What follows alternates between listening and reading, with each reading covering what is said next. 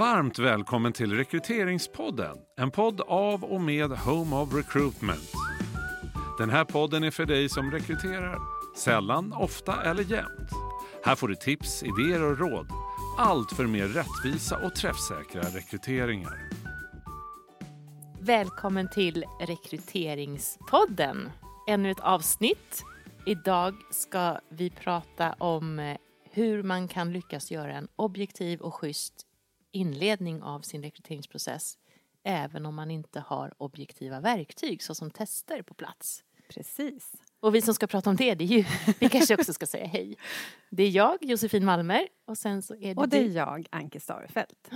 Och eh, den här frågan har ju dykt upp flera gånger. Eh, senast typ igår tror jag på LinkedIn. Mm. Eh, att eh, ja, men funderingar kring hur ska man göra när man inser att okej, jag vill göra ett objektivt eh, urval. Eh, jag får in ganska många ansökningar. Eh, personlighet är jätteviktig. Kanske har lite formella kompetenser också som är viktiga. har inte så mycket verktyg. Hur ska man göra? Mm. Och det är väl en jätterelevant fråga. Jag tycker det är toppen att man funderar över de här sakerna eh, utifrån de förutsättningar man har. Mm. Och försöka göra det bästa möjliga av den situation man har. Även fast man kanske inte har alla egentligen tillgängliga verktyg. Nej, jag tror att det är majoriteten ändå fortsatt som sitter med den, eh, i den situationen att det här inte är på plats, liksom alla de här sakerna man hade önskat. Mm. Utan man, man eh, behöver hantera det fram tills det att det är implementerat, in, insålt och eh, implementerat i verksamheten. Och många som hör av sig jobbar ju då ganska traditionellt. Så att eh, man tar in ansökningar med, eh, och ansökningarna då består av CV och personligt brev. Och så får man kanske ett ganska stort gäng ansökningar och så ska man försöka göra någon form av urval på CV och personligt brev. Så att vad ska man göra då Ja, av den situationen för att förbättra den? vi har ju lite tips. Det här är ju också en situation som en hel del av våra kunder sitter i. Så att där har vi ju samlat på oss lite eh, tips och tricks på hur faktiskt lösa detta. Så jag tänker vi kan väl eh, liksom gå igenom dem en efter en. Och den första ganska uppenbara tipset är ju att inleda eh, gallringen med att bara titta på formella kompetenser. Om det nu finns några sådana, att bara titta på de delarna, så skallkraven under de formella kompetenserna, så som exempelvis ja, men utbildning eller någon eh, erfarenhet av någonting specifikt som man behöver ha med sig in. Och sen helt och hållet bortse från allt annat. Alltså inte titta på det som står i de personliga breven. Och ett bra sätt att göra det här eh, är ju givetvis att också använda sig av urvalsfrågor. Eh, och eh, det finns ju egentligen i alla rekryteringssystem. Så har man ett rekryteringssystem så kan man ju ändå använda eh, den delen, om man inte redan gör det, för att verkligen specificera vad det är man är ute efter. Eh, så. Så att de formella kompetenserna, och det är ju precis som du säger, ifall att det är någon som kanske inte har lyssnat så mycket på podden förut, men det vi avser är ju egentligen det man kan hitta på ett CV normalt sett. Systemkunskaper, arbetslivserfarenhet, språkkunskaper, utbildningar, certifieringar. Så. Exakt. Men är det då så, så som den här personen som skrev in till dig, Anki, eh, ställde frågan att de här personliga kompetenserna ändå faktiskt behöver, eller man skulle önska kunna bedöma någonting där inför intervjun för att veta vilka är mest lämpade att ta in på intervju. Så kan man ju faktiskt, även om man inte har då kanske testverktyg för att mäta det här, göra en något mer objektiv bedömning genom att använda urvalsfrågor även där, tänker jag. Och det har vi också flera exempel på eh, kunder till oss som har gjort så, att man ställer frågor eh, om exempelvis service, om hur man strukturerar eh, sitt arbete, om hur man vad vet jag, samarbetar och så vidare. Så att man är väldigt tydlig med att eh, liksom, det här menar, berätta om den senaste gången du gav service som du är extra nöjd med till en kund eller en kollega. Berätta om situationen och om hur du gjorde nedan. Och så har man då ett fritext eh, ruta där den här kandidaten kan fylla i då med max 500 ord eller vad man nu bestämmer sig för. Så att man återigen då eh, liksom har struktur i inledningen och begär in samma information från samtliga kandidater. Det blir ändå bättre än att försöka lista ut någonting sånt här utifrån ett personligt brev som ju är eh, omöjligt. Ja, då kanske vi ska börja med att säga det att de som jobbar med CV och personligt brev, så det första steget kan ju vara att ta bort det personliga brevet helt och hållet. Eh, därför att det är ju någonting som vi ser ofta är en utmaning för oss. Eh, därför att det innehåller ofta information som vi inte behöver. Det kan vara mycket om privatlivet och allt möjligt som vi faktiskt blir mer eh, subjektiva och som inte tillför någonting till vår bedömning. Mm. Så att bort med det personliga brevet. Eh, och fokusera på, eh, istället på urvalsfrågor. Och, eh, och, och, där får man ju se över då, vad ser vi är krav eh, utifrån vår kravprofil. Mm.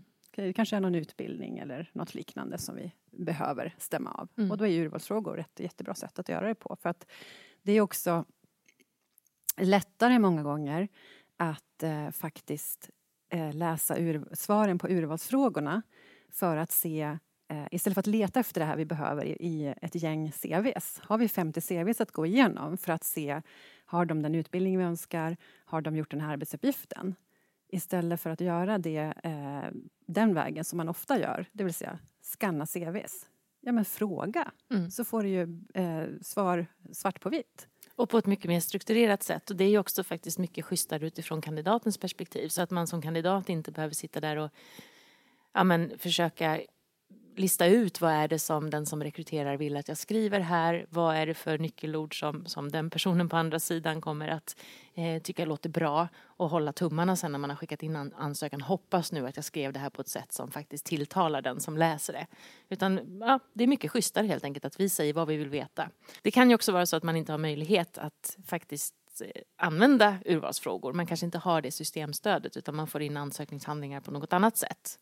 Eh, Eh, exempelvis via mail, vilket man ju då vi verkligen avråder från utifrån GDPR eh, och, och, och, så såklart. Men är man i den situationen så kan man ju ändå instruera kandidaterna kring att faktiskt svara på tre frågor genom att skriva så i annonsen. Mm. När du söker jobb hos oss så önskar vi inget personligt brev. Vi vill att du skickar in din CV och sen vill vi att du i ett följebrev svarar på ett, vad är anledningen till att du söker jobbet hos oss? Och sen två kanske, beskriv din erfarenhet av serviceyrket. Eh, inom vilka eh, liksom, verksamheter har du jobbat och på vilket sätt? Tre, beskriv en situation där du gav service som du själv är extra nöjd med nedan. Eh, och så är det det man tittar på då istället i det första urvalet. Mm. Det blir i alla fall väldigt mycket bättre än att läsa mm. de här eh, ostrukturerade personliga breven som innehåller alla möjliga eh, saker. Och även ostrukturerade CVs. Ja. Där vi också tyvärr ibland eh, hamnar i en situation där vi kanske tolkar och tänker att ja, men har man gjort, haft den här titeln så har man ju förmodligen genomfört den här arbetsuppgiften. Men så behöver det ju inte alltid vara. Så att eh, därför så eh, behöver man ju verkligen fundera igenom hur kan vi strukturera upp vår bedömning? Hur kan vi hjälpa kandidaten att vara eh, eller säkerställa att vi får in rätt information, det vi behöver, mm. inte en massa annat. Mm. Eh, och då är det ju superbra att försöka vara väldigt tydlig.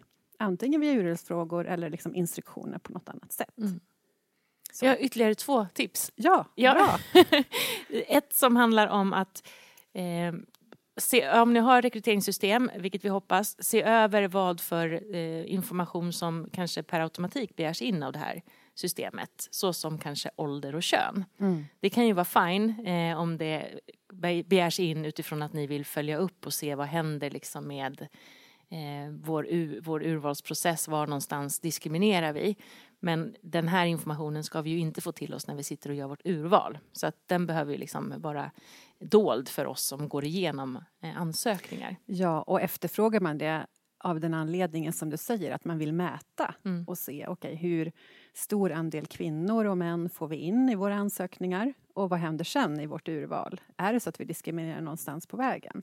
Då behöver man ju förklara det för kandidaterna också för att det är klart att det kan tyckas eh, uppseendeväckande eller liksom tråkigt när man söker ett jobb att man ska uppge sin eh, ålder till exempel. Mm.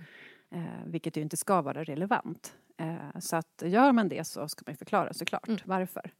Men eh, som du säger, gör man inte det, för de flesta mäter inte på det här viset, så ska ju de frågorna bort. Mm.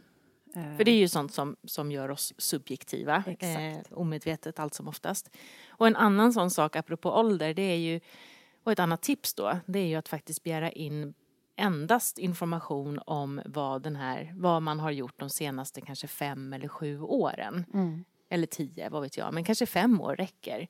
Så på så vis så får vi inte ett hum om hur gammal den här personen faktiskt är. Det är klart att en, en meritförteckning som innehåller liksom arbetslivserfarenhet på 30 år säger oss att det här är en person som har en hög ålder. Mm. Den informationen är ju kanske onödig. Eh, Det kanske inte heller spelar så stor roll vad man gjorde för 30 år sedan Nej. eller 25 år Eller hög sedan. och hög. Jag känner så här, jag har jobbat ganska länge. Ja, ja, men du förstår vad jag, jag, menar. förstår precis vad du menar. Så att, och det är ju oftast irrelevant. Liksom. Mm. Ut- Utan eh, var tydlig med att vi önskar information om vad du gjort de senaste fem åren och sen önskar vi svar på ett, två, tre. Ja, och vi Fyra. önskar inte foto. Nej. Vi vill inte ha någon information om ditt privatliv. Alltså man kan ju ver- verkligen vara tydlig Mm. i sin annons. Att så här önskar vi att din eh, ansökan ska se ut. Mm. Och det här vill vi inte ha. För att vi vill vara objektiva och rättvisa. Sen är det ju så såklart att eftersom att man har sökt jobb på ett visst vis eh, under väldigt, väldigt många decennier nu som innebär just att skriva personliga brev och CVn och skicka med foton och liksom försöka vara lite personlig och privat kanske rent av så kommer ju många kandidater ändå göra det. Och där är ju den absolut viktigaste delen att vi liksom jobbar med oss själva och våra egna förutfattade meningar och att vi försöker verkligen att bortse från de här sakerna som vi vet påverkar oss. Så att vi kan ju göra vad vi kan för att få kandidaterna att inte ge den informationen men om de ändå kommer in med informationen, ja men då får vi ju hålla i oss helt enkelt och hantera det som de professionella rekryterare är. Nej men precis. Så att eh, hitta en struktur. Eh, jobba med urvalsfrågor om ni har systemstöd för det. Ta bort det personliga brevet. Och eh, ja, Säkerställa att ni får in så lite information som möjligt som färgar er Mm. på olika sätt. Precis. Så att det var väl eh, en liten sammanfattning tänker jag av det här Mm. avsnittet. Och eh, jag tycker som sagt att det är toppen att man verkligen försöker jobba utifrån de förutsättningar man har. Eh, och, och långsiktigt parallellt se Mm. över, okej men vad kan vi också göra eh, för att ta in ett systemstöd eller andra verktyg som vi verkligen behöver. Men under tiden gör man vad man kan helt enkelt.